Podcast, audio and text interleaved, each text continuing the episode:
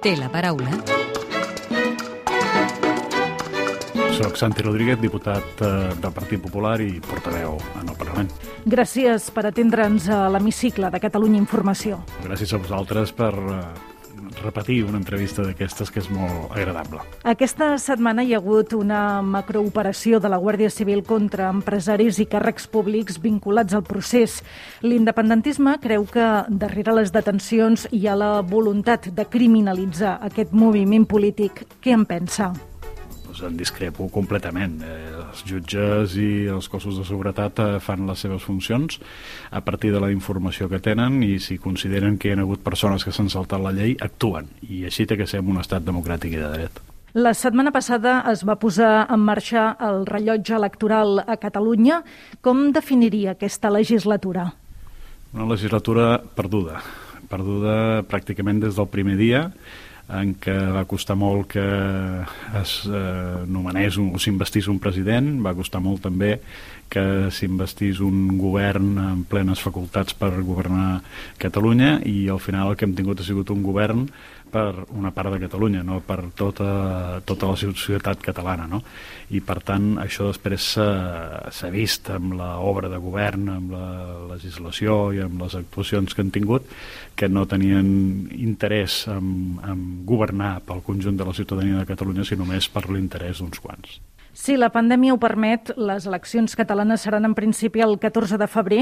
Què oferirà el Partit eh, Popular als ciutadans? Doncs el que oferirem és eh, canviar de xip, és abandonar aquest eh, frontisme en què ens té instal·lat l'independentisme des de fa 10 anys i eh, tornar a recuperar la Catalunya emprenedora, la Catalunya dinàmica, la Catalunya oberta al món, oberta a Espanya, oberta al món. El Partit Popular es presentarà en coalició amb Ciutadans a les eleccions del 14 de febrer. Jo crec que dependrà eh, molt també de l'actitud que Ciutadans eh, demostri en totes aquestes setmanes eh, en, en relació a si, és un, a si pot ser un soci de fiar o no.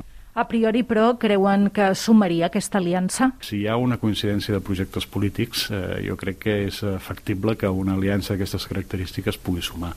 El que els electors no entendrien és que, és que fossin projectes polítics eh, diferents, no?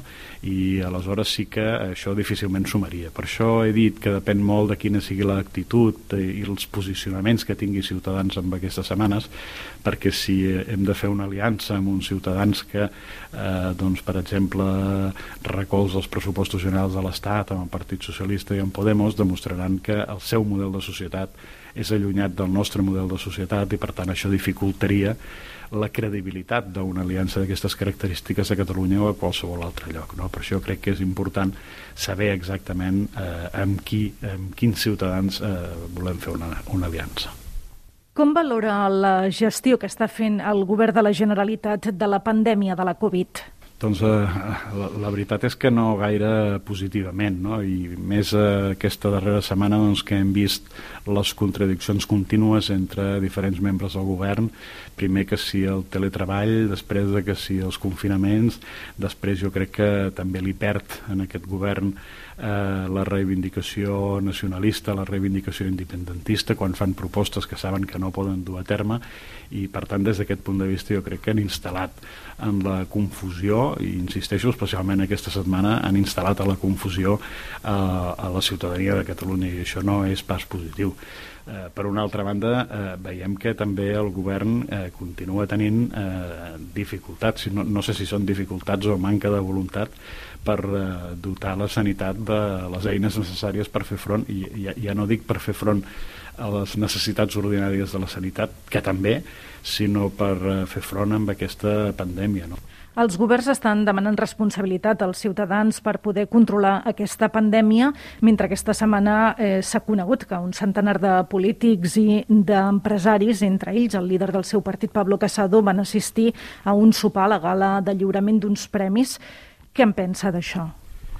Doncs miri, han reconegut que es van equivocar, de que no era el moment adequat per fer un acte d'aquestes característiques, cosa que no he sentit de cap independentista en relació a les concentracions que van tenir lloc ahir a diversos municipis de Catalunya i que van concentrar bastanta més gent que la que hi havia en aquell sopar. Aquesta setmana hem conegut un altre cas de suposat assetjament sexual que ha obligat a fer plegar el diputat de Junts per Catalunya, Eduard Pujol. El seu partit té protocols d'actuació davant de casos com aquest? Sí, el nostre partit té protocols d'actuació. Eh, tampoc no ens hem trobat amb la necessitat i tant de bo eh, no ens hi haguem de trobar mai eh, per actuar en casos d'aquestes característiques.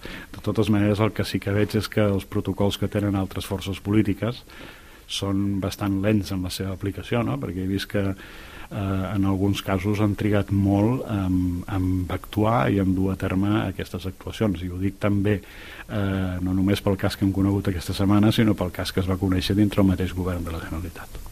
Quan es retiri de la política, si, si es retira algun dia, tornarà a exercir d'enginyer tècnic de telecomunicacions? tornaré a exercir eh, d'enginyer, ho tinc claríssim, eh, no m'he volgut desvincular en tots aquests anys, no m'he volgut desvincular de l'empresa que comparteixo amb altres socis i que gràcies a ells ha tirat endavant. Vostè és de Vilanova i la Geltrú. Si jo li parlo del diari de Vilanova, què li evoca aquesta paraula?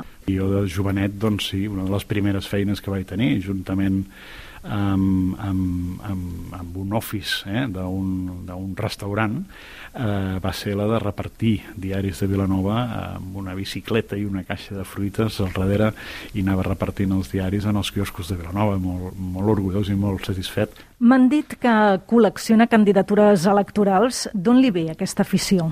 Des de les primeres eleccions eh, que hi van haver, i en les que era un marrec doncs devia ser d'uns 13 anys més o menys, jo vaig demanar als pares de poder-los acompanyar a, una, a un col·legi electoral a veure com funcionava allò de les eleccions no?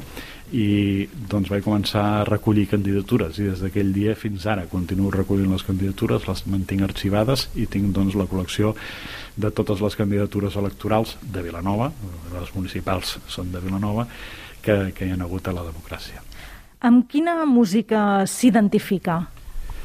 Mira, hi ha una cançó magnífica d'Estopa conjuntament amb Joan Manel Serrat que van treure en l'àlbum del desè aniversari, és a dir, ja fa uns quants anys, de, en el desè aniversari d'Estopa i que crec que reflecteix eh, molt bé el que és la convivència a Catalunya. No? Digui'ns un defecte. Fumo. I una virtut? En l'últim any i mig he aconseguit aprimar-me bastant. I ja per acabar, completi la frase següent. El que més m'agradaria del món és... Els meus fills i els fills de totes les persones que conec a les properes generacions eh, tinguessin uns projectes de vida que poguessin desenvolupar amb tota la normalitat i naturalitat del món. Santi Rodríguez, portaveu del PP al Parlament, gràcies per atendre'ns a l'hemicicle de Catalunya Informació. Moltes gràcies a vosaltres.